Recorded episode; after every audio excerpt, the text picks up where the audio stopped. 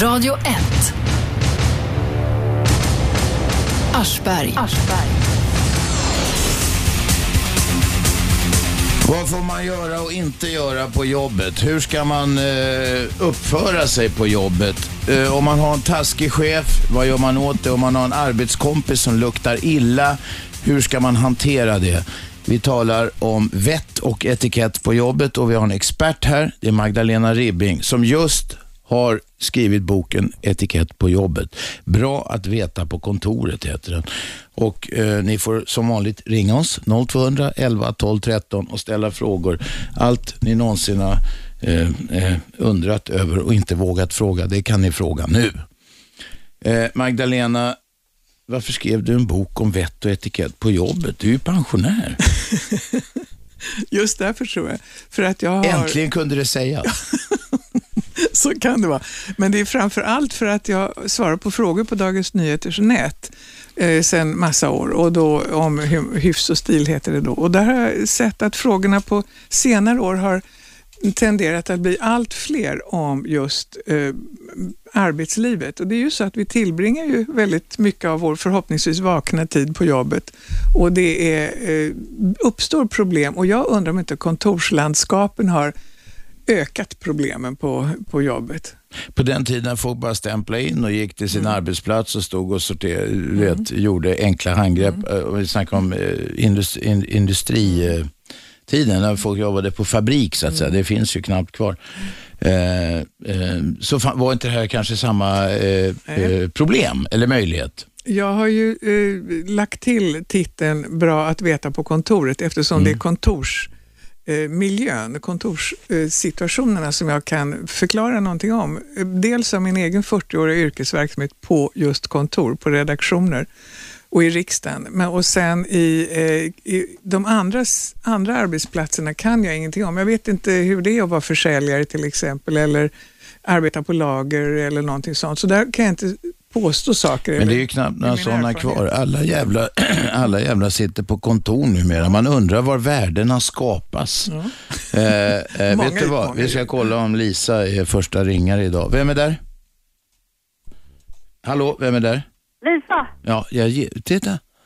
Ja, Vad sa jag? Det är Lisa, första. Ja, vad gäller, vad gäller saken Lisa? får jag eh, fråga Ma- Magdalena en sak? Absolut, kom igen. Jag hör på. Eh, fina maner och fint sätt att tala, det, det får man med, väl med modersmjölken, det kan man inte lära sig? Vad, vad tycker du? Vad är, vad är fina maner och vad är fint sätt att tala? Vad är det för någonting? Ja, det du alltid förespråkar. Nej, det är, då har du inte läst någonting som jag har skrivit. Jag läser inte vad du skriver. Du läser jag inte. Frågar, jag bara frågar, Ja. jag har hört det väldigt Men du, du, kan ju inte säga, du kan ju inte säga att jag förespråkar någonting om du inte vet vad jag, vad jag gör. Jo, men jag har ju lyssnat på dig i flera år. Ja, men några fina maner förespråkar jag inte. Det är mitt, mina nyckelord i, i umgänget mellan människor. De är två. Det är hänsyn och vänlighet. Och det behöver inte, alltså har man vad du eventuellt menar med fina maner så har inte det med hänsyn och vänlighet att göra Nej, Det är alltid. inte det jag frågar. Nähä, vad frågar du då? Ja, att man kan föra sig. Mm, och du menar att det måste man födas till? Nej, men jag frågar dig om du tycker att man kan lära sig eller om man får det med modersmjölken. Ah, nu förstår jag. Nej, det är ju ingenting man eh, föds till utan det är någonting som man absolut lär sig till, efterhand. Man får det med mor och far.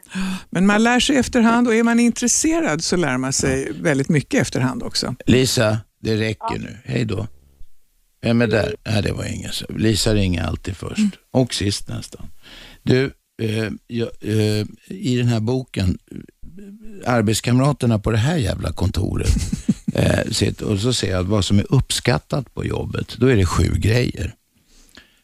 Eh, som du har spaltat upp som är eh, jävligt enkla grejer på, på ett kontor. Det är friskvård, rena lokaler, trevlig stilfull miljö, fungerande kontorsmaskiner, bra stöd från reception och vaktmästare, gratis frukt och gott kaffe.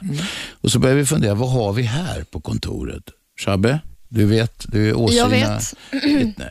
Friskvård? Nej, det finns inte. Rena lokaler? Ja, nästintill sterila. Trevlig, stilfull miljö, det är en smaksak. Jag tycker det ser ut som fan. Fungerande kontorsmaskiner? Ja, om man fattar vilken av de här jävla skrivarna, alltså det är ju ett meck då med i datorn.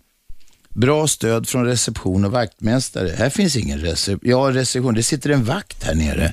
Men ingen reception, ingen vaktmästare. Gratis frukt. Finns inte en jävla banan så långt ögat eh, ser. Gott kaffe. Nej, äckligt Väldigt kaffe äckligt i en eh, maskin. Banan är inte frukt.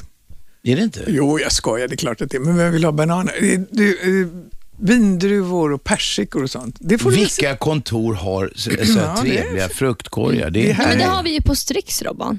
Ja, men det är Nästan varje eftermiddag får vi Men faktiskt du frukt. klagar, du klagar på att det, att det är eh, orent Ja, men det och är det. stökigt. Det här är ju inte mina, eh, min grej, utan det här är ju en undersökning som visar Ja. att detta är eh, vad som är uppskattat på kontoret. Jag eh, har tagit med den, för jag har väldigt mycket undersökningar från andra håll med i min bok, för att det är Ja, viktigt ja. att det inte bara vad jag råkar ha sett, utan också vad, vad som faktiskt finns belagt. Mm. Eh, Men jag, har, eh, jag uppfattar att eh, reception finns ändå på många håll och att man, får man hjälp av receptionen, nämligen någon som säger hej när man kommer på morgonen, så blir man glad och det kanske Mm. de gör här i er entré.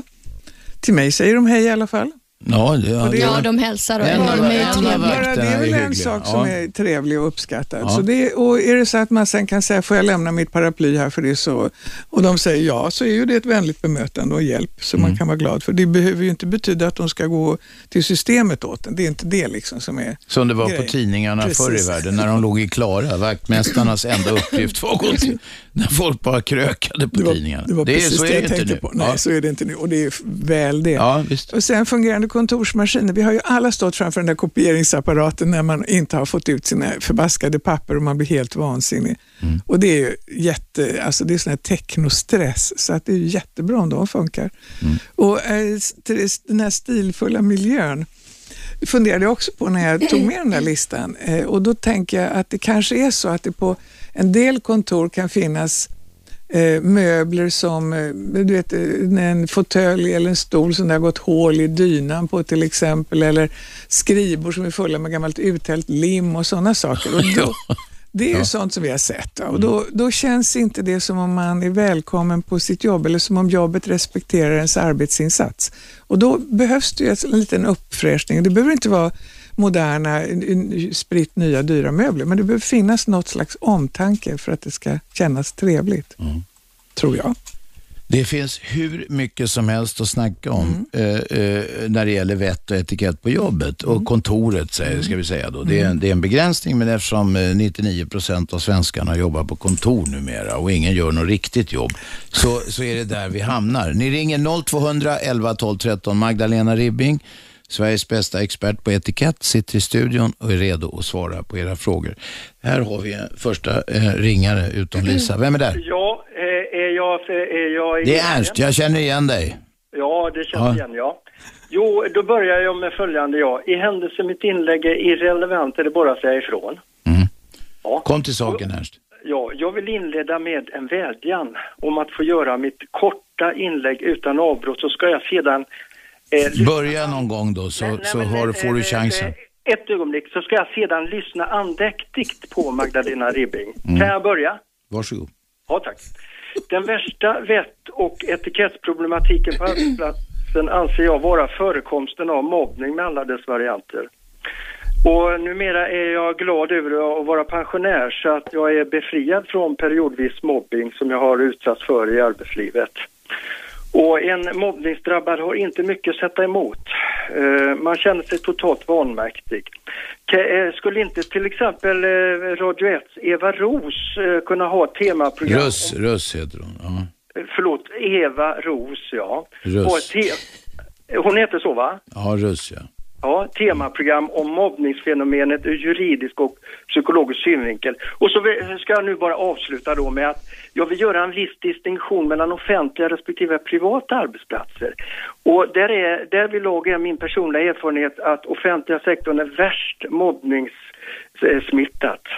Då så ska jag eh, lyssna på Magdalena nu då. Då kan jag glädja dig med Ernst att i min bok finns en lång bit om mobbning eftersom det är någonting som jag har förstått är Ja, Ernst la på. Han, han var rädd att vi skulle... Men fortsätt, förlåt. Eftersom eh, jag har, eh, under arbetet med den här boken så har jag sett och fått veta och eh, förstått att mobbningen tilltar på arbetsplatserna och det är möjligt att den fanns förr men inte på samma sätt eh, eh, visades öppet som man gör nu. Och det finns de mest fruktansvärda exempel på människor som mobbar. Och det finns eh, också från Arbetsmiljöverket en eh, lista på vad som är mobbning. Och det är mycket mer eh, subtila saker än att man eh, säger till någon du är dum och har en ful jacka. Det, är inte, det räcker inte så att säga, utan det är massor med saker. Det finns bland annat ett ett sätt att mobba någon och, som är väldigt vanligt och det är att man tycker att en, en, ett gäng arbetskamrater som då tycker att en ytterligare kamrat är tråkig eller luktar illa eller har fula kläder och säger då att vi går på och äter lunch allihopa men aldrig tar med den här personen som då blir sittande utan sällskap medan alla andra går, dag ut och dag in. Eller att det är, man sitter vid sitt eh, fikabord på eftermiddagen och så eh, pratar alla och säger saker och så berättar någon en rolig historia då. Som jag, säger, jag måste berätta, det var något sånt kul som hände här. Och så är det alldeles tyst när den är färdigberättad. Och det är också mobbning om detta upprepas. Det finns mönster i mobbningen som är fasansfulla och det är mycket, mycket värre än, än vad man har någon aning om det här för att det finns ett antal självmord direkt relaterade till mobbning på arbetsplatsen. Och Det är skräckartat och det måste göras någonting åt nu och det går inte att ursäkta sig med att säga att jag fattade inte att jag mobbade. Och då får man vara någon annanstans än på en plats där det finns andra människor. Egentligen är det ju så att eh, på den arbetsplats förekommer så är det dåligt ledarskap. Ofta är det dåligt ledarskap, men inte alltid. Här, jag, jag man, kan tar... mobba chef, för, förlåt ja. man kan mobba chefer också. Det är lika läskigt det. Jag har sett ja, ja. nu på alldeles senaste tiden, jag har sett eh, sådana exempel i medierna med uh, chefer som jag uppfattar mobbas. Okej, okay. jag, jag, tar listan. Åtta typiska mobbingbeteenden mm. ur din bok. Mm. Ett, Förtal. Mm. Två, undanhållande av information.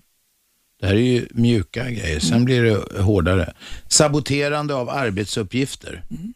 Utfrysning och sidosättande negligering, det var det ni snackade mm. om. Försök att injaga rädsla. Överkritiskt bemötande, förolämpningar. Kontroll av arbetstagaren i syfte att skada omotiverade förflyttningar, fråntagande av arbetsrum eller arbetsuppgifter med mera. Det är eh, typiska mobbingbeteenden. 0211 12 13. Vi kan inte ta samtalen direkt när ni ringer. Ni får hänga på, eh, hänga på låset en, en stund. Här har vi någon som är med. Vem är där? Ja, tjena, det är Erik här. Erik, kom igen.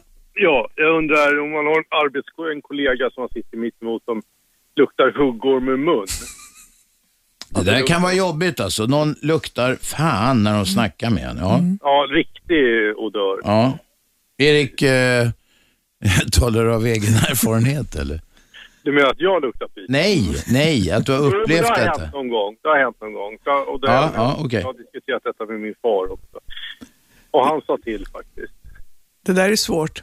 Det är väldigt ja. svårt att säga till någon, du är faktiskt äcklig, för det är ju det man säger ja, i klartext. Nej, men det, du, Bosse, du är äcklig. Det bör, det, det, du, vänt, du, vänta Erik, ska, vänta ska förklara vad ja. jag säger. Det är väldigt svårt att säga till någon, du är äcklig, för det är ju det det blir i klartext när man säger till någon, vill du ha en halstablett en gång i minuten? Så, så blir det ju för tydligt för den personen att man uppfattar den som äcklig och det är väldigt knepigt det där. Så jag tycker att du ska försöka, om du har en hygglig relation till den där arbetskamraten som luktar huggorm, tycker jag är en bra beskrivning, mm. så, så skulle du kunna när ni är ensamma någon gång säga, du eh, Kalle, jag tänkte bara eh, fråga dig om du har bytt diet på sistone för att jag tycker att det kommer någon, du, någon odör där som kanske inte är helt jättekul. Så om du bara kunde tänka på lite det då, sådär. Så man lindar in det lite vänligt, så man ger den här människan en chans att eh, rädda ansiktet och inte bara uppfatta sig som ohjälpligt äcklig, utan eh, man ger den en möjlighet att, att hitta en ursäkt och sen så börja borsta tänderna och vad det nu är, ta halstabletter. Ja, men då ska jag satsa på det. Gör det Erik, vet du vad? Vi ska ha lite reklam nu. Tack för ditt samtal. Radio 1 Aschberg. Aschberg. Måndag till fredag 10 till 12 på 101,9 i Storstockholm. Det räcker upp till Norrtälje och ungefär lika långt söderut från Stockholm räknat. Ni kan lyssna på radio1.se om ni vill. Då kan ni lyssna över hela världen. Eller via sån här telefonapp om ni har skaffat modern telefon.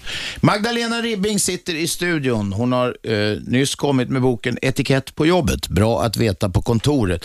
Kanske låter lite larvigt, men det här är det är Väldigt vanligt. eh, vanligt att, att det blir problem. Någon jävel har dålig andedräkt eller någon är utfryst. Det finns tusen problem på kontoret och det är det vi talar om med Magdalena. Eh, Axel är med på linje fyra. Varsågod Axel. Ja, tja. Eh, jag vet inte riktigt hur vanligt det här problemet är på ett kontor.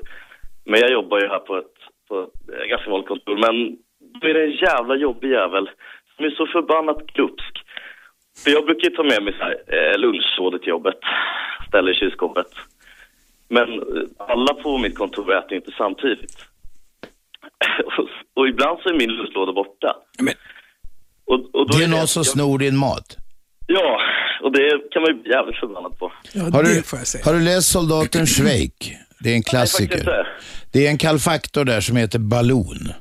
Och han ska bära ut maten till sin officerare då som han är kalfaktor åt. Men han är så jävla glupsk han äter upp det på vägen. Så får han stryka den här officeraren varje gång. Men han kan inte hålla sig. Det är svårt. Ja, nu förordar jag inte att du ska slå den här människan. Förlåt. Magdalena, det passar Vet, inte dig. vet du att det är glupskaren som tar din låda? Du är säker på att det är den personen? Ja, Jag är ganska säker. Fast- man, man kan inte, jag kan inte bevisa något. Men hur går det Eh. till? Alltså står din lunchlåda i kylskåpet och sen ska du gå och hämta den och då är den bara försvunnen? Den är tom. Den är tom. Ja. Och du ser inte hur din arbetskamrat eh, sätter i sig din mat? Nej, alltså, för att det är ju ett lite större kontor. Om du, kan du inte hitta någon mat som du inte behöver ha i kylskåpet så kan du ha den i en eh, skrivbordslåda eller ha en liten termosväska med och ställa vid din arbetsplats eller någonting sånt. Ja, ska man verkligen behöva det? Nej, det ska man inte behöva, men har man, du kan ju inte bevisa att det är den här glupskaren som har tuggat i sig din lunch. Så då får Vänta, du ju... Magdalena. Vad sägs? Nu kommer jag med en fuling här. Du kan ju preparera käket. Preparera det. Lax, laxermedel eller någonting. Och så ställer du in det här käket och så käka inte av det själv sen. Det, det är ett knep. Jag vet inte, Magdalena, Robban. du kanske inte eh, eh, skriver under på det här, men det är ett sätt att komma åt gärningsmannen. Men eh, det är ju, då är det den dagen som gärningsmannen inte tar lunchlådan och där står du med din trevliga eh, överblivna köttfärsbiff och Ja, potatisen Då Ah. kan, jag spara, då kan jag spara den till imorgon. och hoppas på det bästa då. Jag, jag, jag skulle faktiskt göra motsatt metod. Jag har all sympati för Robbans eh, taktik här, men jag skulle ändå använda den motsatta metoden, nämligen hålla undan maten och det måste gå att göra. Det är, det är ju fånigt, det är inte klokt egentligen. Nej, att någon, ganska- någon plockar på sig din mat. Mm, ja. Men eh, försök att hålla undan det där. Jag fick faktiskt en fråga igår från en kvinna som sa att hon arbetade ensam bland en massa män på sin arbetsplats. Och hon hade med sig damtidningar som hon sa till jobbet. Och de här killarna de går på toaletten med tidningar och sätter sig där ett bra tag och det får de ju göra med sina tidningar men nu har de tagit hennes tidningar med sig på muggen och sen bär de ut dem och lägger tillbaka dem. Hon sa att hon vill läsa dem när hon äter och sådär och då tycker hon inte att det är något kul att de har varit på muggen. De luktar skit. Och hur skulle hon göra nu? Det tyckte jag var väldigt intressant. Hon har försökt sätta en lapp på tidningen och sagt att dessa ska inte följa med på toaletten, men det hjälpte inte utan de hade ändå varit på muggen allihopa. Så att eh, alla tidningarna, och då föreslog henne det som jag säger till dig nu, alltså ta med dig en liten tygkasse med, med knäppe på och ställ vid din arbetsplats så de inte kommer Jag tar åt dina jädra tidningar. Ja. Men det är intressant hur folk, vet du vad det heter det där som du beskriver? Egenmäktigt förfarande heter det. Det är vanligt och urtrist. Ja, ja. Stå på dig. Tack för tipset. Tack. Axel, tack för samtalet. Eh, vad har vi? Ja, nej, vi är inte nära någon paus än. Vi har med oss eh, Kent. Kom igen. Hej Robban, det var Kent här. Kom igen. Jag, jag undrar ju lite runt det här med mobbing på arbetsplatserna. Eh, dels varför, har man verkligen tid att sitta och mobba, då är det ju något fel på arbetsplatsen tycker jag någonstans. Att man eh, inte, man måste väl ha så pass mycket att göra att man har tid med det så att säga. Och är det så att det är ett problem, då måste man ju kommunicera mycket mer på arbetsplatsen. med varandra. Jag tänker det här när folk klagar, den ena luktar illa i munnen. Det handlar väl om hur man lägger fram saker och ting. Man behöver inte säga du är den äckligaste människa som finns utan det handlar väl om hur man säger till den personen. Ja, det är ungefär det som jag försöker säga också, att man inte säger till folk du är förfärlig, utan att man förklarar på ett vänligt och, och med och ett milt sätt så att den här människan inte knäcks. Men mobbningen är inte bara att man sitter på arbetstid och kastar papperstussar på någon annan eller sitter och säger elakhet, utan det är hela beteendet som mot andra personer som kan bli mobbande. Just det där med uteslutande ur gruppgemenskapen eller undanhållande av information till exempel. Alla får ett papper med någonting utom en person. Så, ja, men eh, det där behöver inte du ha. Nej, varför inte det? Eller någon som alltid blir lämnad kvar. Någon, alla går ut på after work som det heter och tar en öl utom en person som aldrig blir tillfrågad till exempel. Eller en, den personen kommer med en ny jacka och ser glad ut, ingen säger ett ljud, medan när alla andra kommer med en ny jacka så säger man vilken häftig jacka. Alltså det är massor med små hemska subtiliteter som kan formas till en vedervärdig, vass mobbning som kan knäcka människor och gör det. Och detta är självrådigheten, man tycker att man har rätt till det här. Han är faktiskt så himla dum så jag har rätt att göra det här. Det har man inte. Det är olagligt att mobba, man måste fatta det. Det är väl viktigt att ha en chef som är lyhörd för när det börjar direkt Absolut. med mobbing. Absolut. Se detta och ta tag i det direkt och Mm. det, där man kallar till möten och, och diskuterar det innan Mm. det tar för lång eh, och att det blir för stort av det så att säga. Men det kan också mobbas utan att cheferna får veta det. Det betyder ju att eh, det ska finnas en närvarande chef som ser vad som händer på kontoret och så är det inte alltid. Utan det kan också borde vara... kollegor som, som i så fall eh, går till chefen och berättar jag ser ett problem här nu som Mm. Du jag vill att du tar tag i. Jag tycker som du Kent, men det gör inte människor för att då är det in och skvallra hos chefen och då blir det att förtala sina arbetskamrater då. Det är ju några som mobbar. Och då förtalar man dem genom att förklara vilka de är och vad de gör och det är också svårt. Det, det är tunga saker som man måste förhålla sig till och det bästa är ju att ingen mobbar därför att det är så otroligt uselt och ynkligt att mobba någon annan. Jag tror många gånger handlar det om individen som behöver växa som person så att säga och då är ju eh, eh, någonstans eh, det är dens ansvar att ta tag i sitt egna liv i så Ja. fall eh, stärka sig själv genom eh, olika terapiformer kanske och för någonstans handlar Nej, vänta nu, lägger du inte det på den mobbade nu när du säger så? Alltså, eh, ja, det kan ju vara så att någon som är mobbad måste försöka göra något åt det själv också, men man kan inte skylla på den personen. Nej, inte skylla på den personen, absolut inte. Men jag menar, någonstans handlar det ju om att den här personen som mobbar inte riktigt någonstans eh, antingen inte trivs på sin arbetsplats och då måste man ta tag i det problemet så att säga. Eller så måste den personen någonstans söka sig vidare där han trivs. För har man så förbaskat mycket tid att ägna åt, åt eh, mobbing på olika sätt, då tror jag det handlar om att man, man inte trivs på sin arbetsplats. Allt Ja, du menar de som är mobbare? de Det är det. som mobbar, Ja, då är jag med. Förlåt. Ja. de som mobbar. Jag tror att någonstans sitter för många människor idag på arbetsplatser där de inte trivs men vågar inte söka sig vidare och, och ta ett kliv vidare i livet. Där man söker sig till arbetsplatser där man trivs och utvecklas som person. Så kan det vara Kent. Det är för många som sitter på kontor. Det är min enkla mening. Vi är strax tillbaka. Radio 1. Aschberg. Vad gör man när en arbetskamrat eh, luktar huggorm, som det heter, i munnen? Eh, vad gör man när någon stjäl ens matlåda? Hur ska man bete sig på jobbet? Vi har Magdalena Ribbing, Sveriges främsta etikettexpert här. Hon har just skrivit boken Etikett på jobbet, bra att veta på kontoret.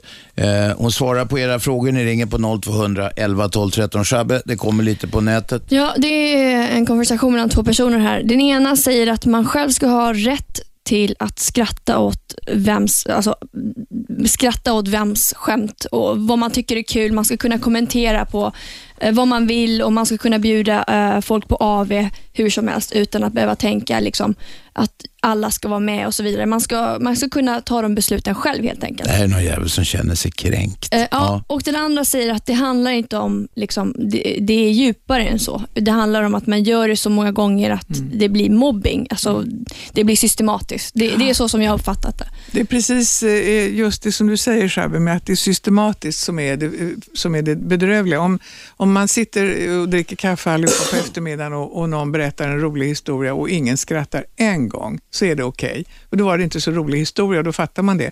Men händer det tio gånger så är det en del av ett mobbningsbeteende som inte är okej. Och de här, den här som försvarar så att säga, sin rätt att skratta när det passar har ju på sitt sätt rätt, men är en presumtiv mobbare, påstår jag. Och den här som säger att du, man behöver inte ta med alla på after work. Nej, inte alls, men om alla går på after work utom en person och det händer kanske två gånger, tre gånger, fem gånger, då har man mobbat den där som man lämnar utanför. Naturligtvis. Och detta mobbande är inte okej. Det är nämligen så här när man är på en arbetsplats att man har inte valt lokalen vanligen och man har inte heller valt personerna som man arbetar med.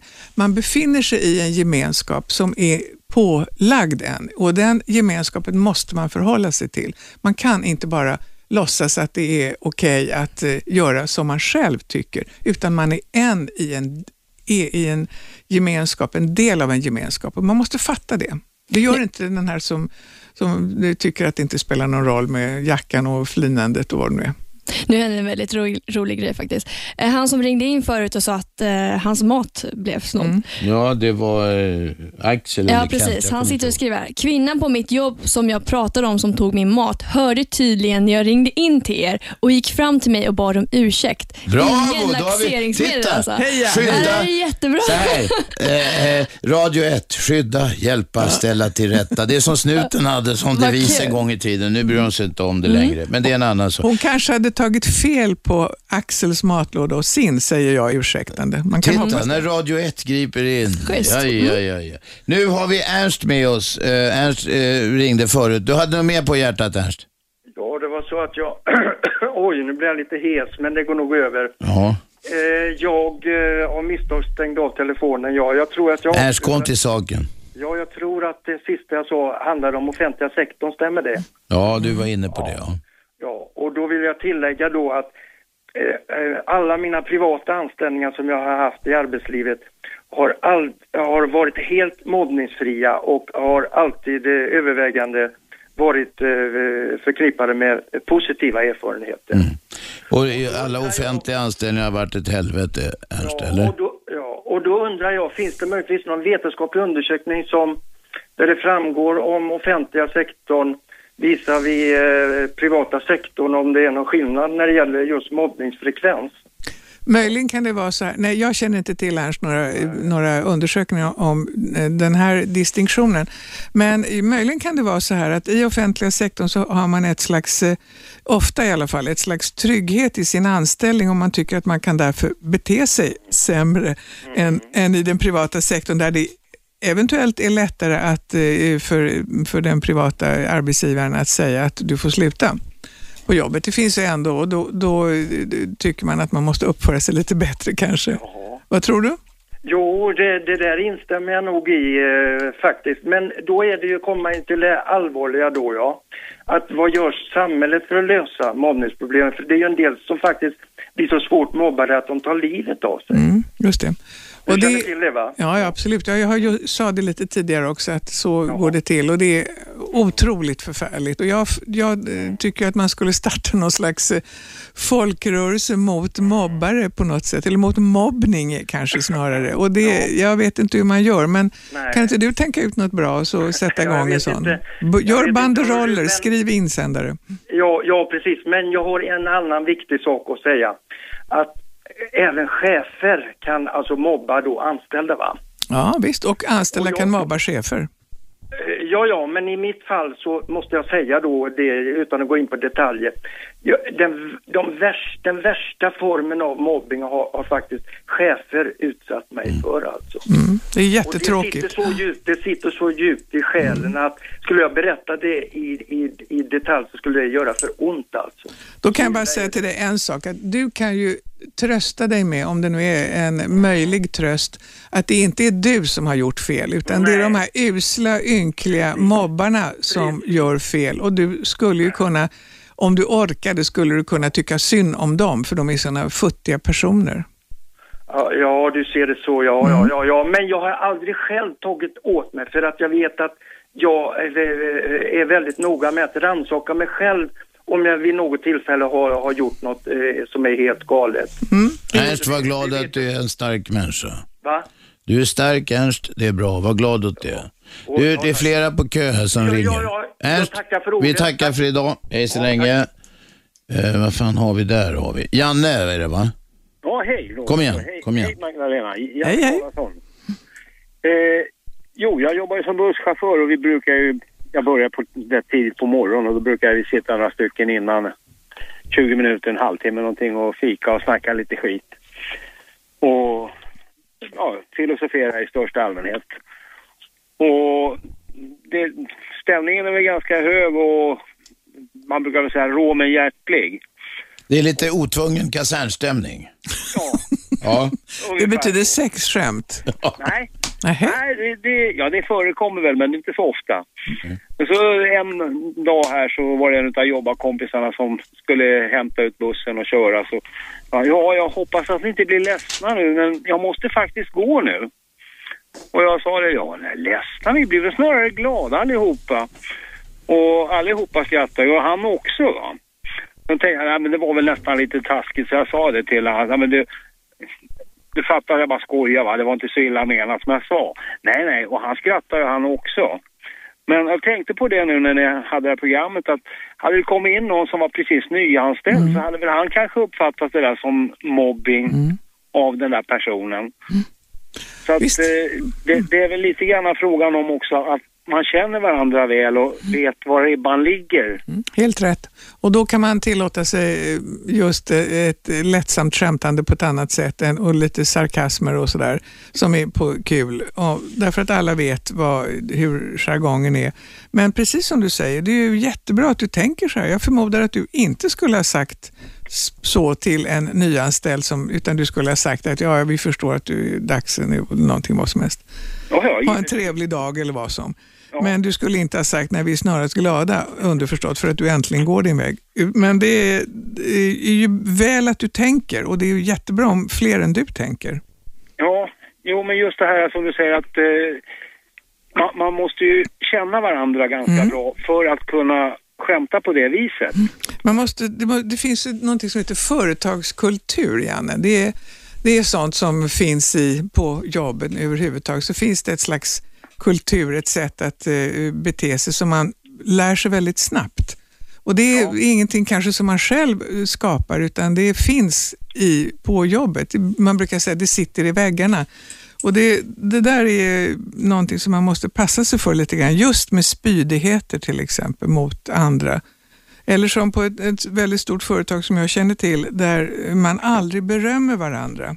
Det, det är nämligen inte, ingår inte i Haha, det är företagskulturen. Dagens Nyheter. Det har jag inte sagt. Jag det är bara- Dagens Nyheter. Journalister gör aldrig det till varandra. Det är- Därför att alla är så jävla egofixerade. Men det är så otroligt onödigt att inte ge beröm uppifrån och parallellt och neråt och vad som helst. Ja. Så Janne- men jag tror du klarar det där, Janne. Ja, det gör jag nog säkert. Jag, jag brukar säga det. det. Antingen så har man arbetskamrater eller också har man kollegor. Och, ja, men alltså det är Ja, skillnad. ja, jag förstår vad du menar. Mm. Det är skillnad för arbetskamrater, de ställer upp och hjälper varandra. va? Kollegor, de, de finns bara där för att man jobbar på samma ställe. Okej. Janne, vi tackar för samtalet. Du, här ser jag en grej i din bok som jag, vi måste komma in på så småningom. Det är nämligen klädsel, kvinnors klädsel. Kvinnors kläder bör inte vara alltför åtsittande och urringningen ska vara sparsam. Varför det? Men vi, vi tar det sen. Vänta, vi ska ta några eh, ringare här. Vem är med? Hej Robert, det är Lilja. Lilja, kom igen. Jag vill bara informera Magdalena att det finns en organisation som heter OMM, Organisationen mot mobbning. Man kan gå in på eh, deras hemsida och läsa lite grann vad eh, de sysslar med. Det är Bra, bra. tack. Vi skickar det vidare till lyssnarna. Tack Lilja. Då kommer vi in på det här med klädsel. Nu, jag måste läsa. Den så kallade klyftan mellan brösten ska inte synas. Varför inte det? Det är ju bara trevligt. Långbyxor eller kjol som går till knäna är så gott som alltid okej. Eh, män ska då inte ståta med muskler, Shabbe. Ska de inte? Nej, alltså jag, nej, jag vet inte. Jag tycker jag klär mig tight. Jag tycker inte det är några problem. Magdalena, få höra nu om klädsel på jobbet. Jag ska be att få citera en av mina eh, värderade kollegor, salig i åminnelse från Dagens Nyheter, Red Top, som eh, vid något tillfälle skrev i ett eh, kåseri att eh, kvinnor ska vara fullt jämställda samt gärna en smula urringade.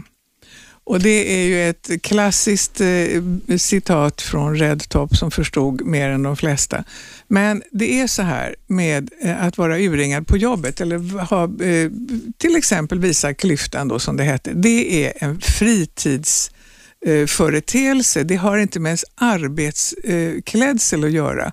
Att man är urringad och visar för mycket av sin kropp. Det har, det, alltså, ens kläder, ens klädsel på arbetet markerar eh, attityden till arbetet. Är detta ett arbete eller är det fritid? Är jag på diskotek eller är jag på kontoret? Är jag på badstranden med flipflops och minishorts och en liten tanktop som det heter, som jag har sett nu under sommaren?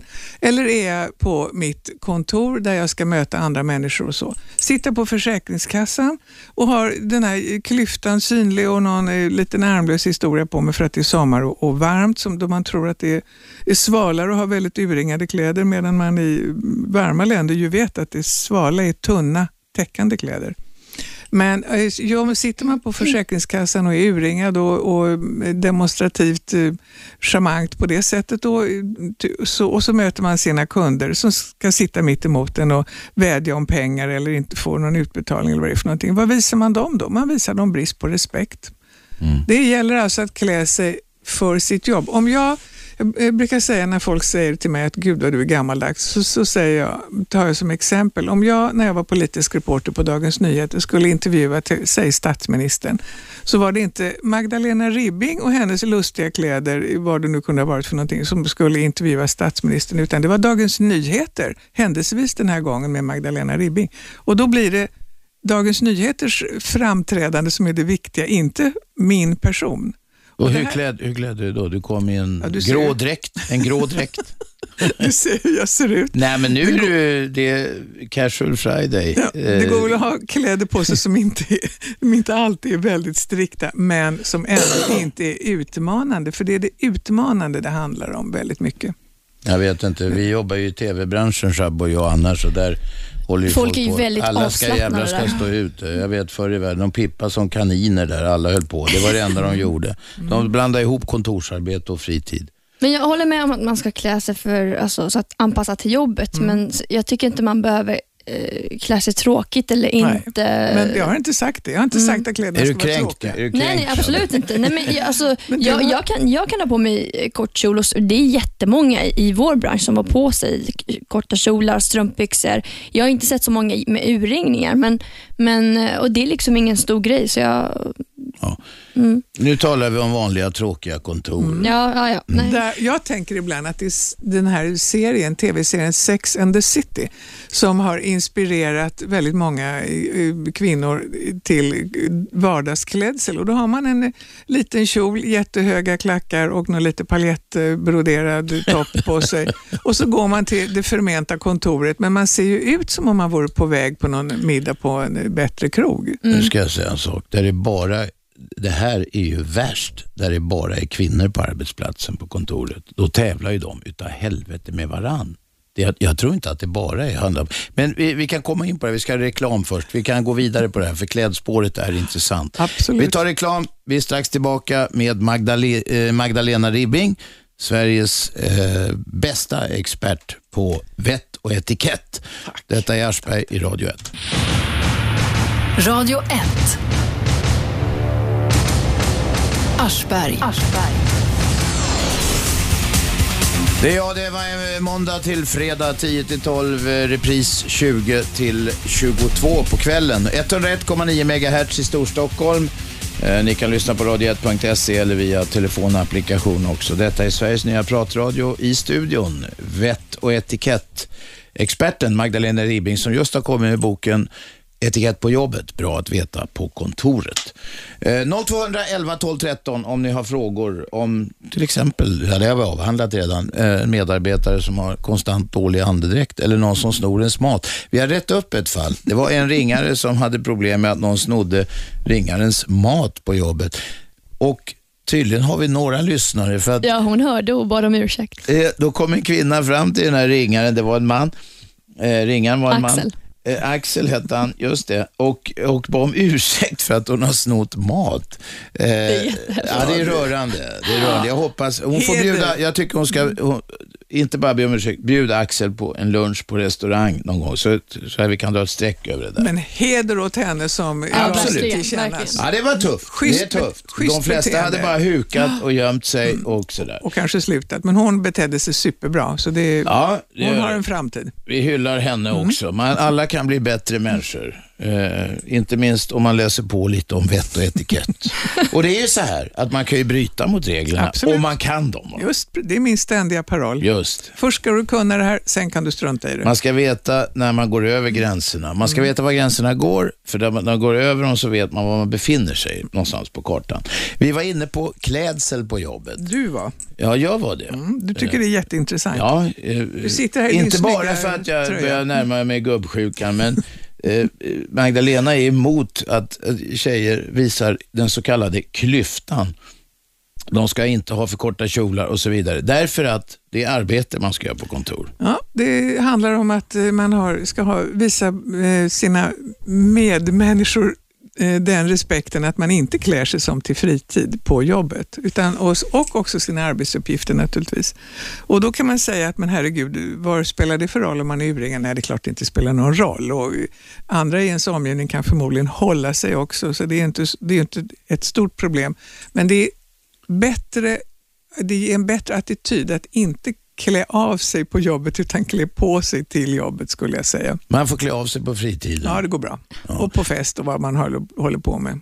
0211 12 13 om ni har frågor om vett och etikett på jobbet. Och vi har talat om mobbning, vi har talat om eh, dålig andedräkt. Men det är bara några få av de problem som uppstår på en arbetsplats. Vilket är det vanligaste Eh, problemet folk har på jobbet, på ett kontor? Ja, jag tror att eh, de här två ämnena som vi eh, har avhandlat nu är just det här med arbetskamrater som har lukt, lukter för sig på, i de här kontorslandskapen som är de vanligaste nu. Där, där blir- det ju besvärande om man sitter och äter taco vid skrivbordet till exempel, och, eller vid sin arbetsplats och sprider ut den lukten över alla andra. Eller om man har för mycket rakvatten eller man har för eh, lite deodorant eller vad det nu är för någonting. Eller om man kommer direkt ifrån gymmet på morgonen och för att spara tid så duschar man inte, utan då kommer man och är träningssvettig och sitter där på jobbet och tänker äsch. Men det är inte så äsch för de som sitter runt omkring.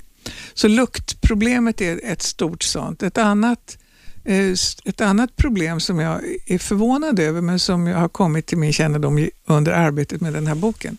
Det är, eh, eh, ja, egentligen skulle man vilja kalla det för, för sno, snoendet på jobbet men det är ju egentligen stöld det handlar om. Och det är kollegor eller arbetskamrater som bär hem saker från jobbet fullkomligt ogenerat och öppet så tycker de att eh, den här kapitalistiska arbetsgivaren som man skulle ha sagt på 60 och 70-talet den tål att jag tar hem hålslaget här och den här kaffebryggaren där och eh, besticken här och vad det nu är för någonting. Alltså det, det, jag tycker att det är okej att jag bär hem det och det är inte okej. Det drabbar alla andra i, i slutledet. Så det, och detta är så vanligt uppenbarligen. Detta med att knycka, stjäla heter det, saker på jobbet. Och folk gör det från arbetskamrater. Ja, från, just det. Vad berättar du Shabbe? Om, Du om, var ju av med ett par hörlurar nere på Strix, var det så? Ja, det är ju, alltså, det är ju Strix eh, hörlurar, men det är de jag har arbetat med i flera Och det månader. är någon så- som har snott dem Ja, bara. och det blir jag väldigt sur Ja, över faktiskt. Och en annan sak jag märkt på Strix, det finns ju för fan inga bestick. Ja, det finns inga äta. bestick. De har försvunnit. Vi får tala med arbetsgivaren Shabbe. Mm. Nu har vi en ringare med, vem är där? Lisa, Ja Lisa, skruva av radion Lisa, vad fan, det är som ringer fem gånger om dagen ska du lära dig rutinerna. ursäkta. Ja. Ja, när jag jobbade på Serafen, Mm. det var ett, var ett biträde. Han var väldigt eh, vacker och bög och han mobbade sjuksköterskan. Han gick in med stor resväska, ställde den i köket och tömde kylskåpet. Oj då. Serafen för de lyssnare som inte vet, det var gamla anrika Serafimerlasarettet på Kungsholmen. Det finns icke mer som eh, sjukhus. Ja, okej. Eh, vi, vi slänger detta till eh, Magdalena. Vad gör man om man har en arbetskamrat som kommer in med en resväska och snor allting? Ja, det- det... är en extrem förstås. jag hoppas att det är en engångsföreteelse, att det inte finns sådana saker. Men, men arbetskamrater som plockar hem grejer helt, eh, helt eh, bekymmerslöst ifrån sin arbetsplats, de stjäl. Alltså det är stöld och det är inte okej. Och det spelar ingen roll vad man har för uppfattning om arbetsgivarens eventuella tillgångar eller inte. För har man inte en uttrycklig tillåtelse att bära hem kaffebryggaren, eh, lite eh, datorbord eller vad det nu är för någonting som man tycker att det vore trevligt att ha, då tar man inte hem det. Man ska lära sig skilja på mitt, och ditt. och ditt. Radio 1. Aschberg.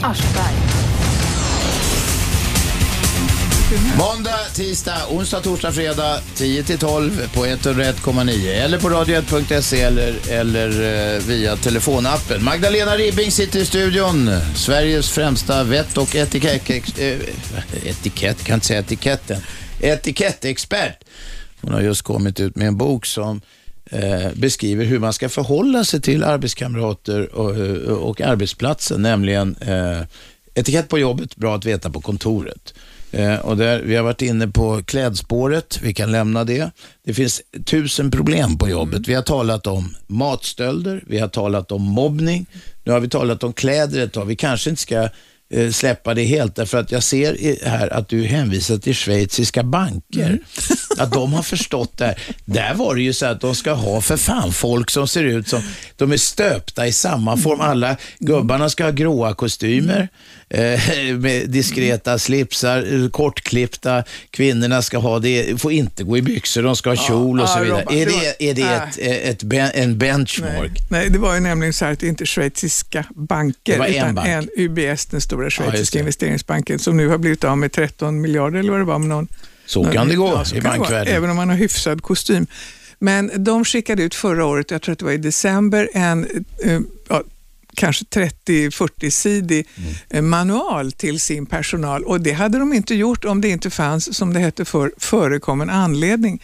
Utan det var så att personalen inte hade då eh, förstånd att ha hyfsat eh, hopknäppta blusar och sånt. Jag talade med en jag har talat med kvinnliga chefer och, och frågat dem hur gör man för att bli respekterad som kvinna i ett mansdominerat yrke. Och entydigt ifrån dessa kvinnor kommer då knäppblusen.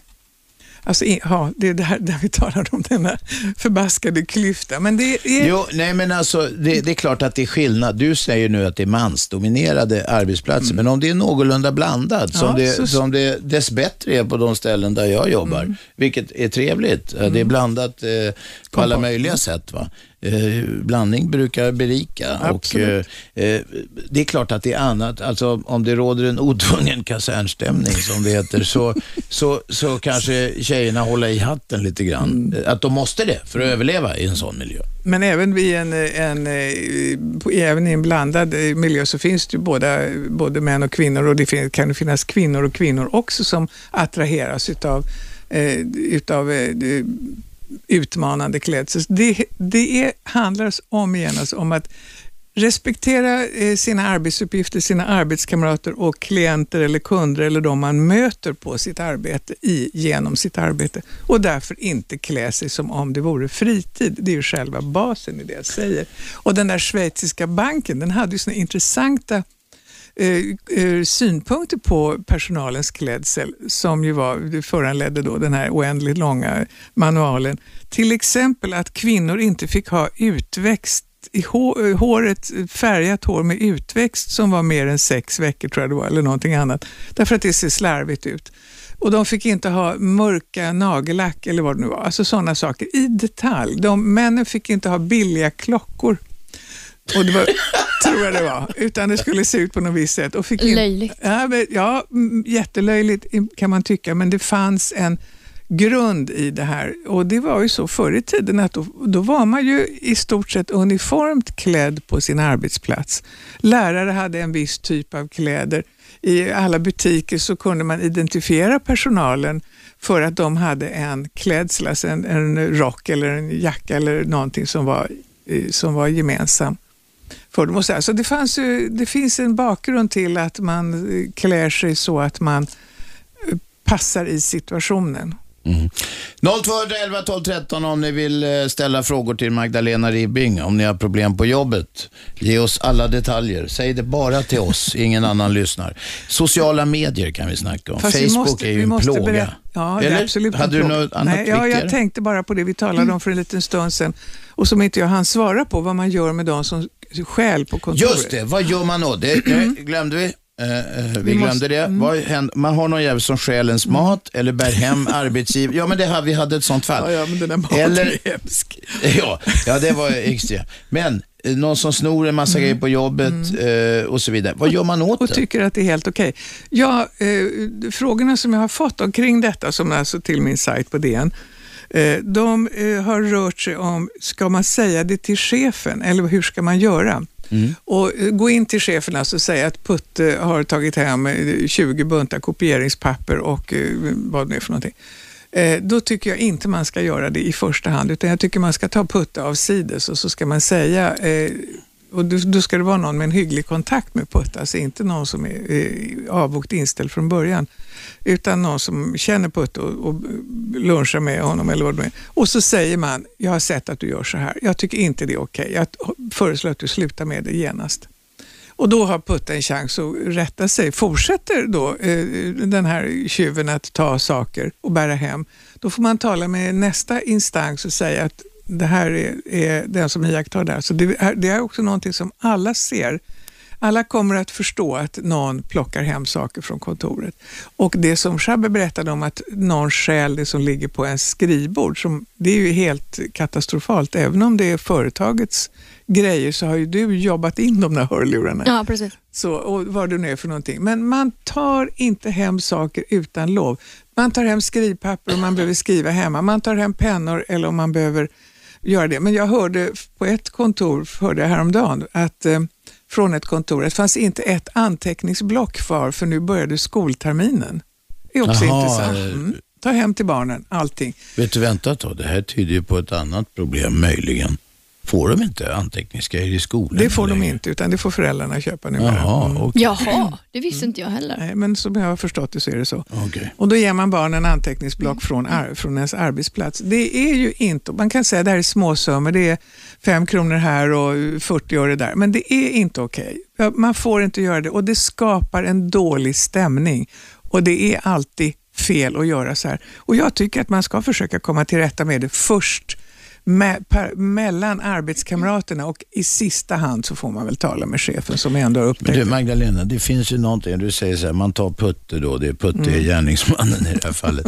eh, man tar Putte åt sidan och talar honom till rätta. Det finns något så här lite Mm. präktigt med det här. Vem, vem ska liksom iklä sig den här, Mm. den rollen? Ja, du eller jag, eller någon som vågar, som har lite egen ork och som inte är allt för rädd. För om ingen säger någonting till Putte så går det här åt skogen så småningom. Och sen får Putte Och- och dojan. så för får att Putte dojan, det precis. som börjar med en nål slutar Mm. med en silverskål. Och sparken. Ja, just Och det. det är ju inte det som Putte önskar sig. Och kanske inte det man önskar Putte heller. Det kan vara en bra arbetskamrat som inte har fattat att eh, företagets egendom inte är hans egendom. Vem är med på telefon? Ja, hej, det är Erik igen. Kom igen.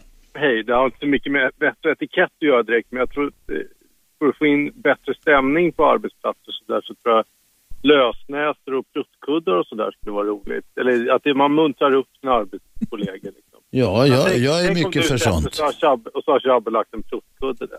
Det Ja. Det finns numera finns det såna här eh, med massa batteri, med fjärrstyrda såna här pruttmaskiner man kan sätta under ett bord eller något, man har möte. Och sen så trycker man på fjärrkontrollen och så här. Det är rätt så kul. Jag har är det- är haft det en sån kul? på jobbet. Är det kul utan vidhängande lukt då? Ja, det är jättekul. Är det det? Okej. Ja, peruk men- hade jag på ett jobb. Ja, vi har olika sinne för humor. Jag tycker inte man ska göra bort folk i onödan. Jag tror att eh, det blir bättre stämning om man inte gör bort dem, utan får man göra bort sig själv. Man tar, Om jag- Men om jag kommer in i Lösnäsa då? Är det kul tycker ni? eh, varför skulle du göra det? vänta, vänta. Erik, vad jobbar du på för arbetsplats? Eh, ja, det kan vi ta. Det tar vi nästa. Nej men jag, jag vet, jag vill inte, jag vill inte hänga Nej, ut ditt privatliv här, men vad är det för slags? Är det ett kontor eller? Eh, ja, just nu är det inget kontor alls, men när, lös, när jag körde med Lösnäsa och peruk så var det... Är det därför du inte har något jobb längre? Jo, men jag har ett jobb. Okej. Men Lösnäsa, då var jag brevbärare. Så det var väl lite kasernstämning. Jaha, men du gick, gick du omkring och delade ut post med nej, det, lösnäsa? gjorde- nej, nej, nej. Det var bara kontoret. Någon, någon total pajas får man inte. Nej, okej. Men det här var bara en utvikning. Jag tror att folk inte ska vara så reserverade. Nej, jag tror också man ska ha lättsam stämning på jobbet. Men man får ju, man får kanske inte, men ja, det, jag vet inte. Vi talar om gränser idag, det är därför Magdalena sitter här. Ja, jo, jo. Erik, var det något mer än lösnäsan? Nej, hundskit är jäkligt kul också. Ja, inte äkta, det ska vara såna här buttricksgrejer då. Ja, det la jag ut en gång. Då, då la min faste det i sopkorgen för hon trodde det var en riktig. Men nu är du inte på jobbet längre, nu är det när ni har Det är familjegrejer. familjeliv. Ja, det har Magdalena också skrivit om, men det tar vi en annan dag. Tack Erik för samtalet. Vem är där? Roman. Kom igen Roman. Jo, jag har ett tips till den där killen som eh, jobbade och hans matlåda försvann. Ja, det, jag visste att den där skulle ta skruv. Ja, men Eh. det, fallet är löst. Kan han installera en spycam på sin arbetsplats? Det finns Ja, ja, sådana så som- kan, ja, det finns små kameror nu. De är hur små som helst. Och man kan, han men, installerar en sån i en blomkruka eller alltså var som helst och sen kommer han på vem det är som har gjort det där. vet du vad som hände i det fallet? Du har inte lyssnat på hela programmet. Nej. Nej, nej, det kan vi inte kräva av någon som är, eh, ska arbeta och eh, göra Sverige till ett bättre land. Eh, det är nämligen så att det var en kvinnlig arbetskamrat till honom som eh, erkände och bad om ursäkt. Oj. För att hon hade lyssnat på programmet. Exakt. Ja, ja men jag lyssnar och jobbar också så att jag, jag missar lite grann. Ja. Kan du inte be dem skicka lönen så du slipper hålla på och slita så hemskt? Skicka hem den bara. Och sen just det, angående vad du berättade om damtidningarna. Ja, det var, eh, vi tar det för de som inte hängde med. Magdalena berättade att hon hade fått någon som hade skrivit till henne och bett om råd. Det var en kvinna på en arbetsplats. Hon hade med sig damtidningar, vad det nu är, men någon form. Eh, och, och så visade det sig att alla grabbarna tog där när de skulle gå på muggen. Och det tyckte hon var ofräscht. Ja, så jag praktiserade på en bilverkstad förut. Ja. Och eh, där ligger det massa, inte damtidningar, utan herrtidningar. Herrtidningar, ja, ja. Och då, min bilmekaniker som då, ja, som jag jobbar med, då så sa han så här, nu går jag på fackföreningsmöte, så då tog han porrtidningen och gick till toaletten. Det där är ju, det, är, det finns, det där är ju något, det finns en massa omskrivningar. Vi ska, ja, Roman, det är bra, fackföreningsmöte. Ja. Ja, ja det är bra. Tack Roman, tack, vi hörs. Du, det, detta, om det är något svenskt eller vad det är, men det, det finns någonting här och det är lika på arbetsplatser, även i privat. med Folk. folk ska alltid berätta när de ska gå på muggen. Vanligtvis om de ska göra det ena eller andra också. Sådär. Eh, och då finns det ju de på jobbet som är så här, skryter vitt, vitt och brett om det och demonstrativt tar en tidning, nu ska jag gå och skita eller något sånt där. Vad beror detta på? Jag vet inte det. Det är ju helt absurt. Ingen är intresserad nämligen. Det är ingen som tycker det är roligt att eh, veta vad någon annan sysslar med när den går på toaletten. Men kan det vara dagis där man tillhålls, antar jag, att meddela om man behöver kissa eller bajsa? Ah, det är någonting sånt. Ja, Jag det kan det inte. vara. Det Därför kan. där är man ju tvungen att säga till en fröken, man kanske inte kan Mm. reda sig själv riktigt och då behöver man hjälp. Eh, och att det är en, ett arv från, Kanske. från eh, Kindis, som Kanske. det hette, när jag var liten. Kindergarten, så Kan- hette dagis förr i världen. Kanske det, jag vet inte det. Mm. Det kan vara någonting. Detta är Aschberg på Radio 1. Radio 1. Aschberg. Måndag, tisdag, onsdag, torsdag, fredag 10 till 12 på 101,9 MHz i Storstockholm på radio1.se eller via eh, den här appen som ni kan skaffa om ni har modern telefon. Magdalena Ribbing sitter i studion. Magdalena har just kommit med boken Etikett på jobbet. Bra att veta på kontoret. Eh, Shabbe, det är lite grejer på, från nätet här. Ja, eh, kärlek och eh, sexrelationer. På jobbet, just Mellan kollegor och det. Det kan vara komplicerat på kontor.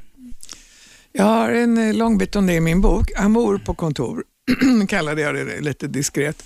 Det är, det är ehm, ju väldigt vanligt. Är man är på samma arbetsplats så ses man ju då under dagtid och har förmodligen likartade intressen, åtminstone av jobbet får man hoppas. Och har naturligtvis massor att prata om och det är klart att attraktion uppstår och det gör det på alla, alla, stä, alla arbetsplatser utgår jag från.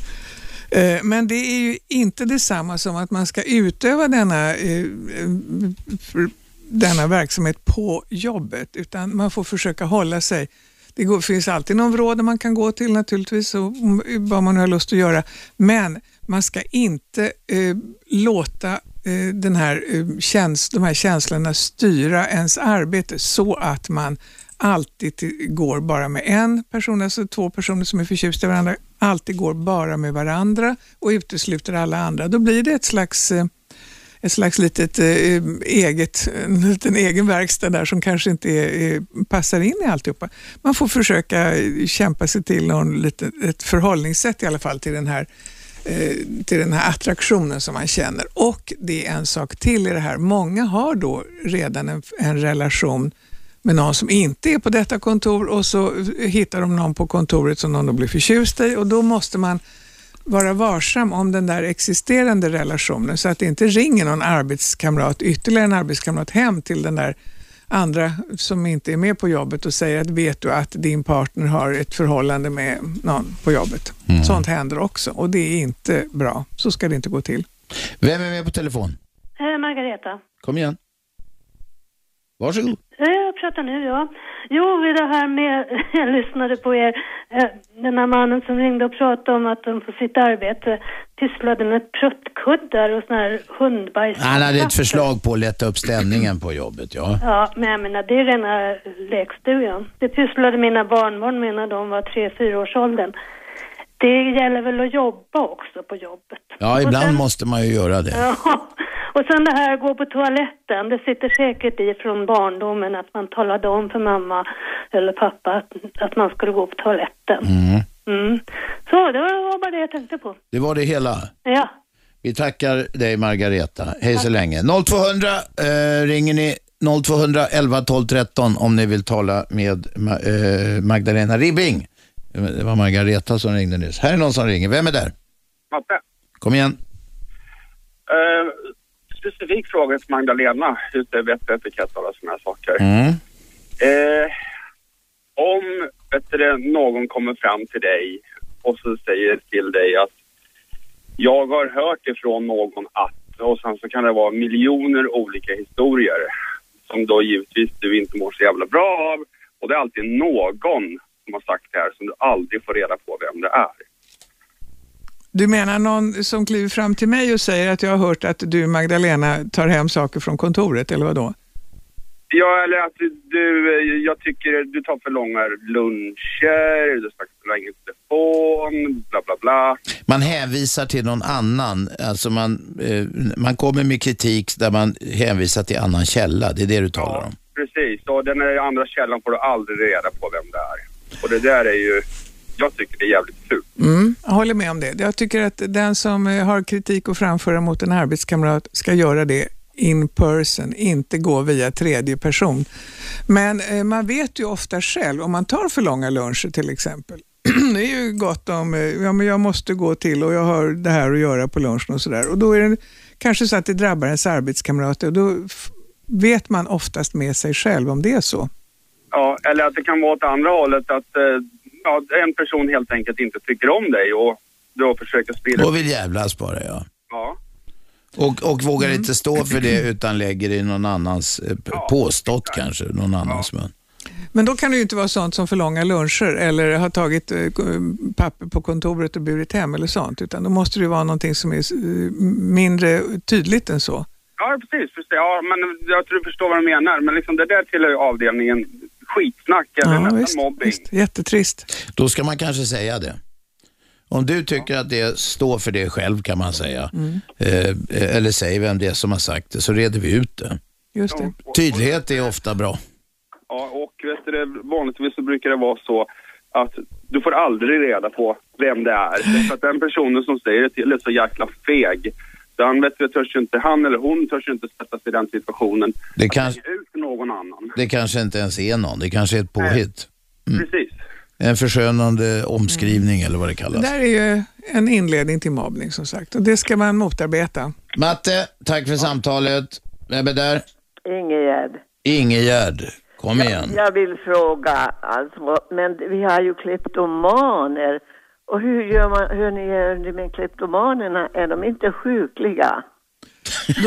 Absolut. Förlåt, Om men- man har en kleptoman på jobbet, då talar man med skyddsombudet. Det ska finnas ett skyddsombud på varje arbetsplats och då talar man med skyddsombudet som får hjälpa kleptomanen till något slags eh, eh, rehabilitering eller någon hjälp eller någonting. Eller så får man acceptera att eh, saker försvinner och så får man gå hem till kleptomanen och hämta med en liten lastbil då och då, det som är hemtaget. Eller vad vet jag. Ja, jag var, alltså, jag var Det finns säkert lösningar. Ja, jag hade en god vän alltså och han, han är ju så jäkla rik alltså. Lägenheten urflott så han behövde inte allt.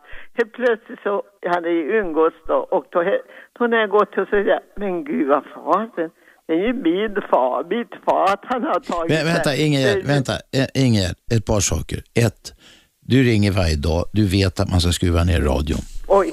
Ja, det är det ena. Men så till det viktiga här. Säger du att du hade en kompis som var så vig så att han... Och ändå gick han och, ja, vi umgicks då och så går jag hem till honom och så säger jag plötsligt, jag hade saknat det men jag, jag tänkte inte för jag hade så mycket prylar ändå. Och då ser jag fatet hos Dina grejer, du hittar dina grejer ja, hos din hos kompis. honom ja. Ja. Och så var vi ute på krogen och så började jag iaktta honom. Och då när vi gick ut och åt till exempel, jaha, då, då stoppade han med sig en kniv och, och, och nästa gång när vi var, ja då plockade han med sig en, en mat. Ingegärd, försökte du tala honom till rätta? Nej, men det tog faktiskt slut sen för då tyckte jag, och sen hade han en idé, han skulle alltid ringa alla samtal hos mig och då kunde jag Ringde han rikssamtal då? Ja, alltså, ja just det. Och det, och, det. och det behövde han inte alls göra. Men jag tror det hörde till det här att han var kleptoman. Förmodligen var det så, ja. Vad det, Ja. Nu är, vad det nu är. Jag vet inte om det är någon vetenskap... Ja, ja. Du, Ingegärd, vi tackar för samtalet. Ja, tack, hej. Eh, lycka till. Ja, då är ingen fara med det. Hej så länge. att- Nu tar vi, ja förlåt, nu fimpade jag lite konstigt där. Sen eh, fortsätter vi samtalet med Magdalena Ribbing, Sveriges främsta vett och etikettexpert. Eh, hej så länge, detta är Aschberg på Radio 1. Radio 1. Aschberg.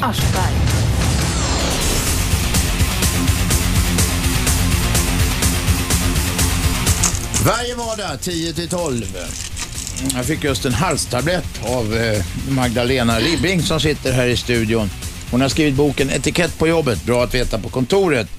Och eh, vi har varit inne på stölder tidigare. Det där är en sak som Magdalena gärna vill göra en utvikning om. Mm.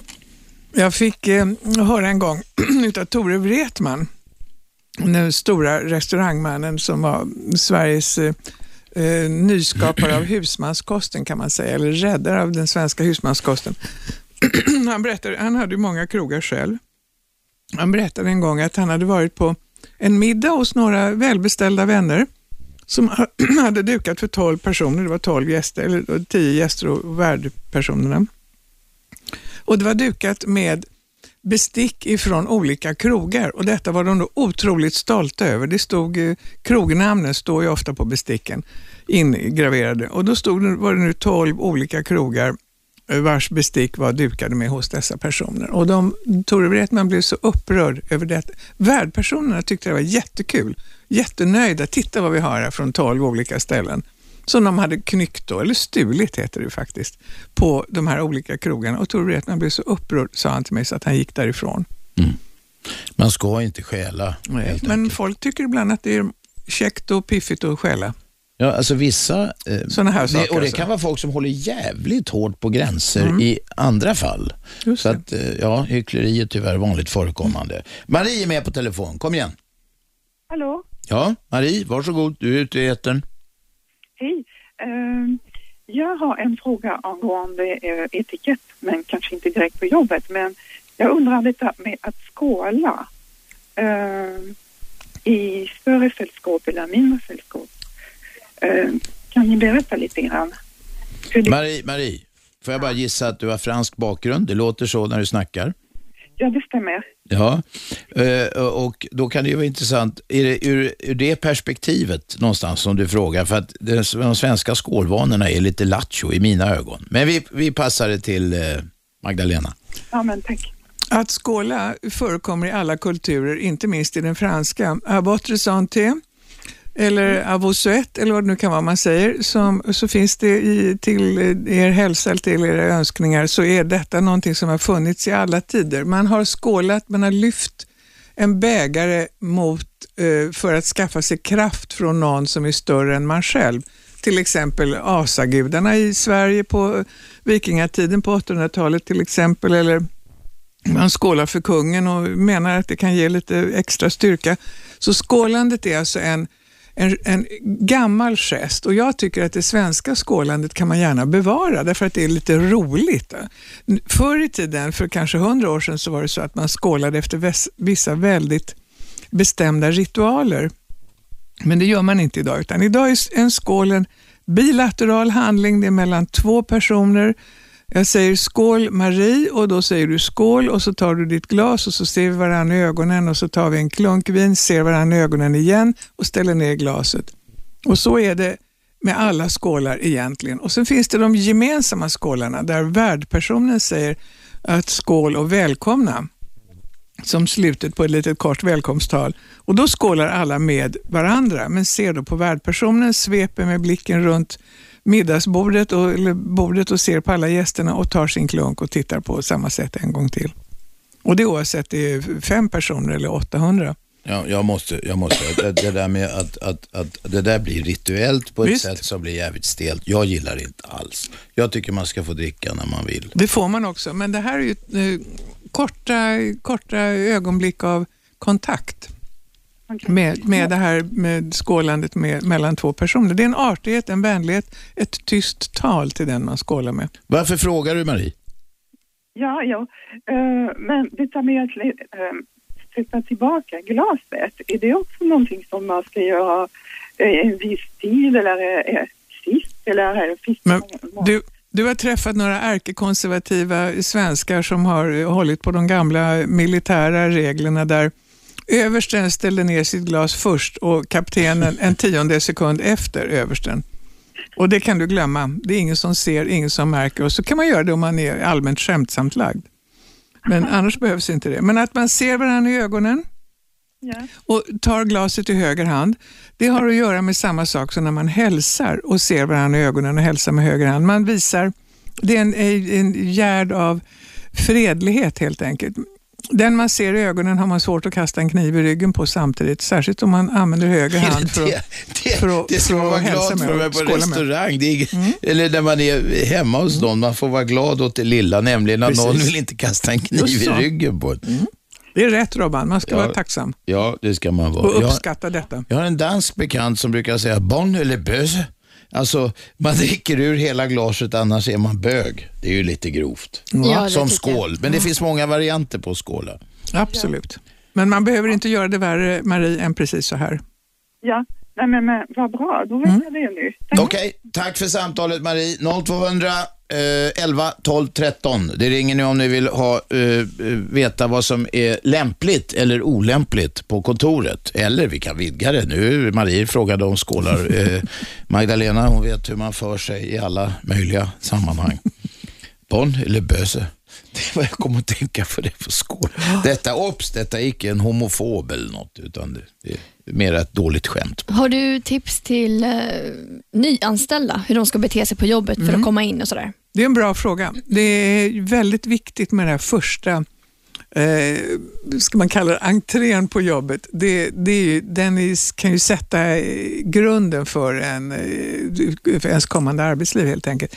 Det är vi otroligt försumliga med eh, på väldigt många svenska arbetsplatser med att ta emot den som är ny den, ska mö- den nykommande personen ska mötas i entrén alltså av någon eh, på jämställd eller överordnad som har koll på hur det går till på kontoret. Tas med runt, hälsa på folk, få reda på vad är kafferummet, hur dags har vi lunchrast, var hämtar man papper, var, vem är det som hjälper vem med vad och alla, alltså praktiska saker. Det här är, är skyddsombudet, vad du är för någonting. Som Och det, så- var, som det var när du började på Radio 1, Shabbe. Visst gjorde de så? Vadå? nej, jag skojar. Nu hänger jag inte med. Nej, nej, jag De tog, det var ingen som mötte dig i entrén och tog Jaha, med dig runt och presenterade dig. Och som nykommen så ska man inte försöka sätta sina egna eh, regler för hur det ska gå till på jobbet. Man ska se- inte, inte säga att ja, men jag är van vid att ta lunch klockan 11 om nu alla andra tar lunch klockan 12 eller någonting sånt. Utan man får anpassa sig ett bra tag på, till det som gäller på arbetsplatsen för att man ska hamna i den gemenskap ur vilken man så småningom kan skapa någonting som kanske är bättre. Om man tycker att man har bättre idéer så kan man göra det först när man har satt sig i den här gemenskapen genom att anpassa sig. Jag började på en arbetsplats, det här är väldigt länge sedan, jag började på en arbetsplats och då var det en kvinna som gick fram till en mellanchef där och frågade, vem är våldtäktsmannen? Det var jag alltså. Den kvinnan är nu sedan 30 år min fru. Så att, ja, så kan det gå. Var det- 0211 12 13. Eh, Det var jargong kanske, hoppas jag. Ja, jag vet Skämt. inte. Det kom in någon jävel som såg eh, konstig ut och det var jag. Eh, 0211 12 13 och nu vill fråga Magdalena Ribbing om hur ni ska föra er på kontoret. Hur ni ska hantera det att någon är jävligt apart eller vi har talat om dålig andedräkt, vi har talat om mobbning och det är kanske de två av de vanligaste problemen. Men det finns många andra. Eh, många andra sådana problem. En sak vi tar, ny på jobbet ja, det är faktiskt inte alltid så att folk morsar på nya. Det bör man göra om inte någon blir för runt, eh, alltså förd runt och eh, presenterad för folk så tycker jag man ska gå fram och morsa på de som är nya. Ja, men jag måste faktiskt bara säga det. Jag tycker att som ny kan man ta det ansvaret Ja, det och själv gå och presentera sig. Eh, och Det är väldigt många som inte gör det. Man, var, man kan vara panikslagen när man kommer till en ny arbetsplats och det sitter 40 personer vid olika bord. Ingen tittar på en överhuvudtaget. Man kliver fram och säger jag heter och presenterar sig. Det kan vara jättekämpigt för många. Jag tycker att, att man, det är varje arbetsplats skyldighet att ta emot den, välkomna den som kommer. Och det måste man försöka lära sig också. Det måste man. Vad, vad är det för mer aparta problem du har stött på genom åren eh, eh, på jobben? Alltså? Jag fick en intressant fråga för ett tag sedan och den var så här. Jag är chef och kan säga till min personal olika saker, men hur ska jag säga till den som sitter och borstar tänderna vid skrivbordet? Nej. Ja, det tycker jag. Men fast vad, vad är det för problem? Om någon vill borsta tänderna? Nej, Det är väl, skrivbordet? det är är väl ändå inte okej. Nej, men vad gör det? Ska du... Och det gör Ja, någonting. om någon sitter vid ett... Ja, är det ett problem? Ja, men det var väl någon fråga jag, i, i Vi din har, bok snackat om, om- hallå, vi har snackat om folk som har dålig ande. Det kanske Ja, men är bra klippa att ta bort det. naglarna vid skrivbordet var det, hade du skrivit om. Det tycker jag också är ofräscht. Det behöver man inte göra på jobbet. Sitta och sprätta små nagelbitar omkring sig på, vid skrivbordet, det är inte okej heller.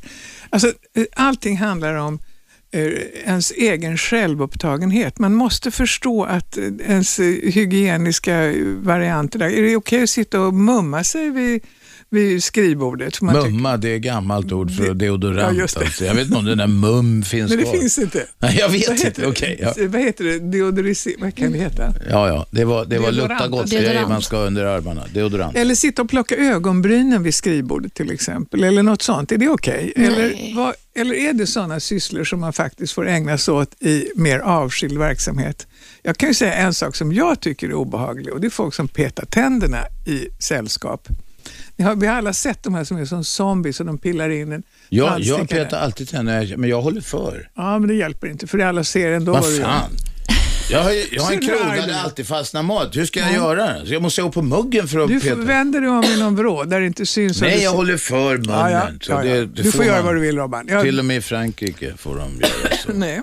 Det går inte att, eh, jag brukar säga att eh, tandpetning är en syssla för ensamseglare.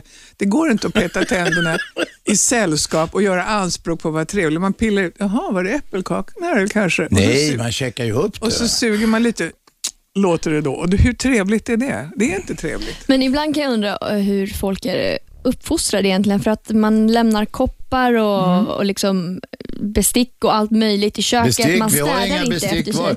Det är förmodligen där vi jobbar så här normalt. Det här är bara vår hobby, radio. Ja. Men när vi jobbar på riktigt, Ja. där, där eh, finns ju inga bestick Nej, jag har Vem fått fan är det någon har snott bestick? Ja, det är jättemärkligt. Men är ni inte hemma hos era arbetskamrater och ser om de har bestick med Strix eh, monogram på? Nej, bestick Jag- så jag att, tror inte det finns vi så har inte graverat Nej. eh, besticken.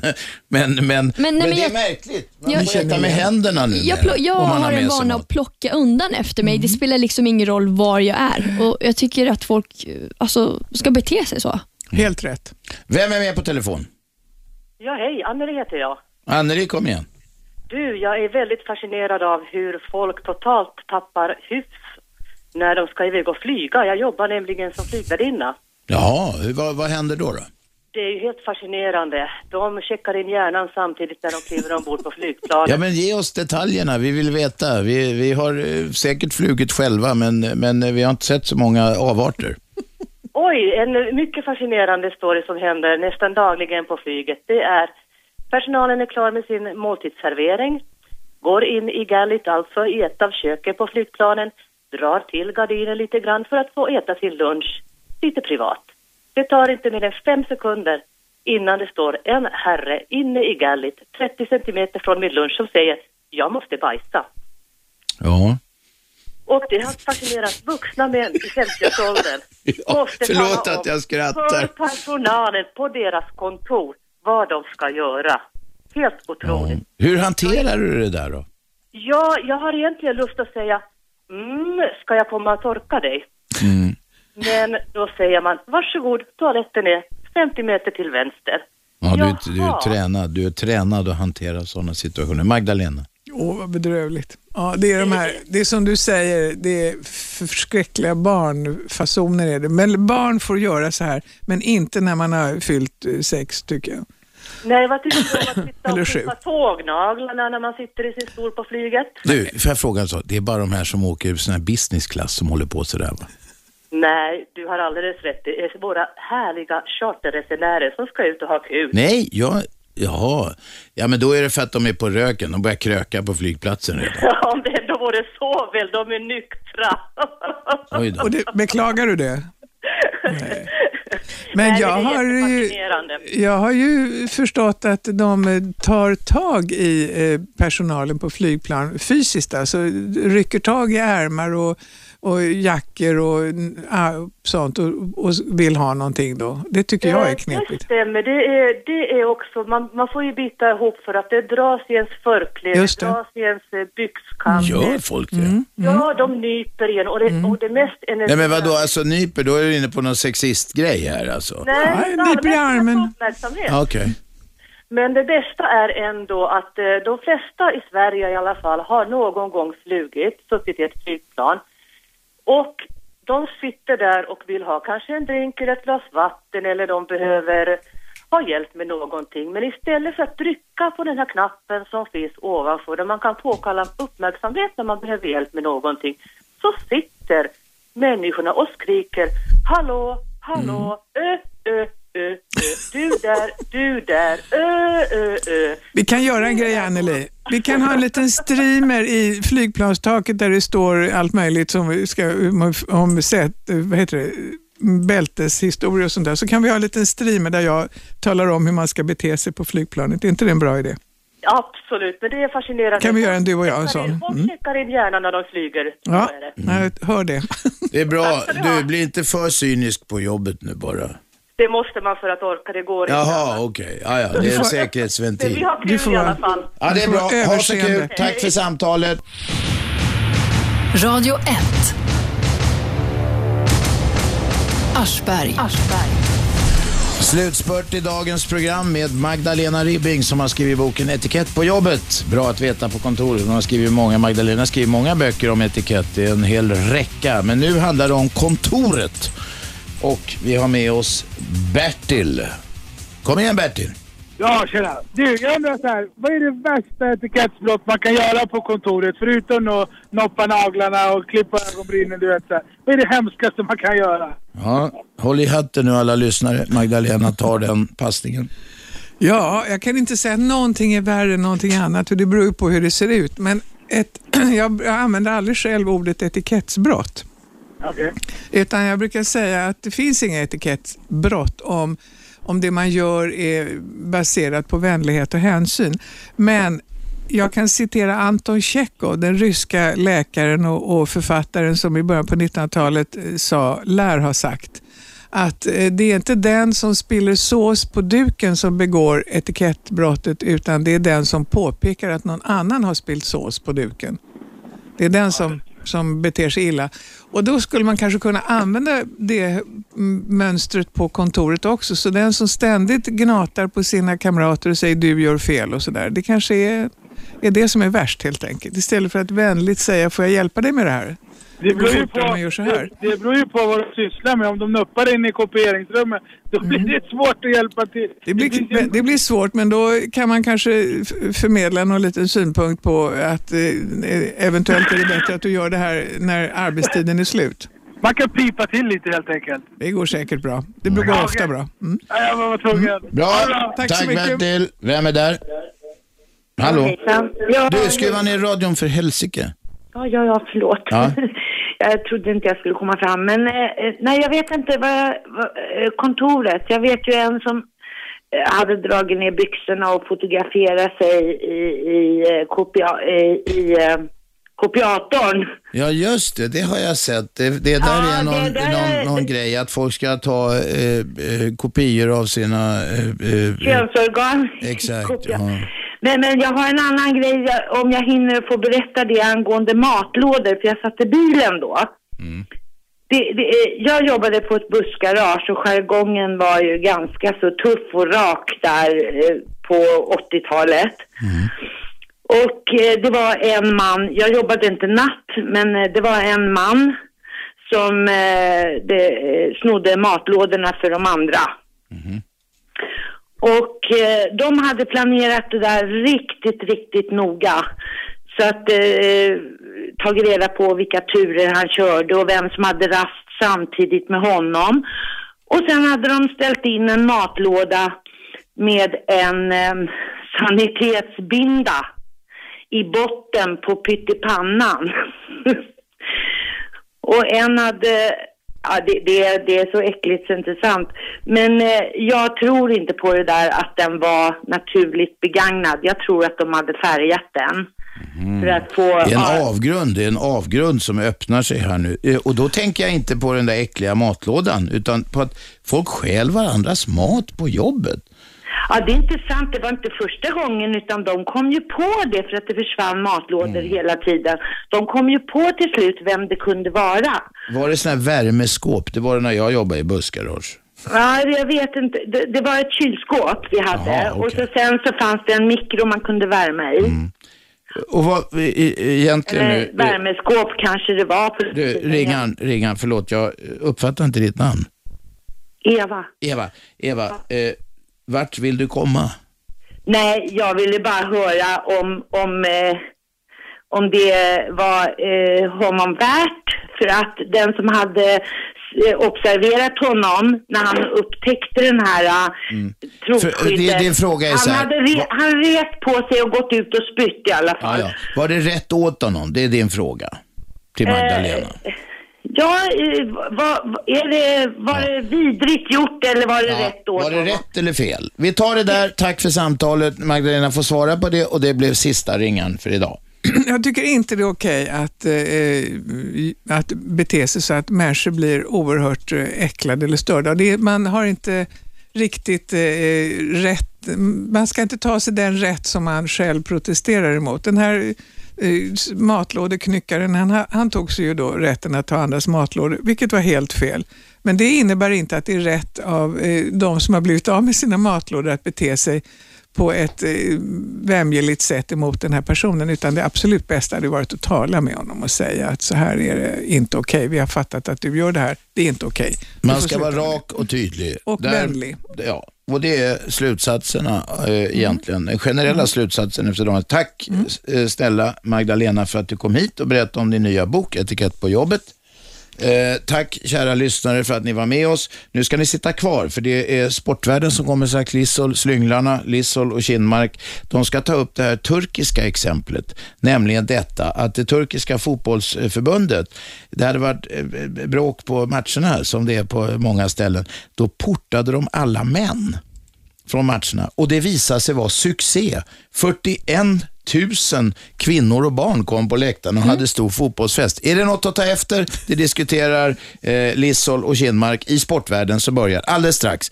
Vi hörs imorgon 10.00 som vanligt. Hej då! 101,9 Radio 1. Sveriges nya pratradio.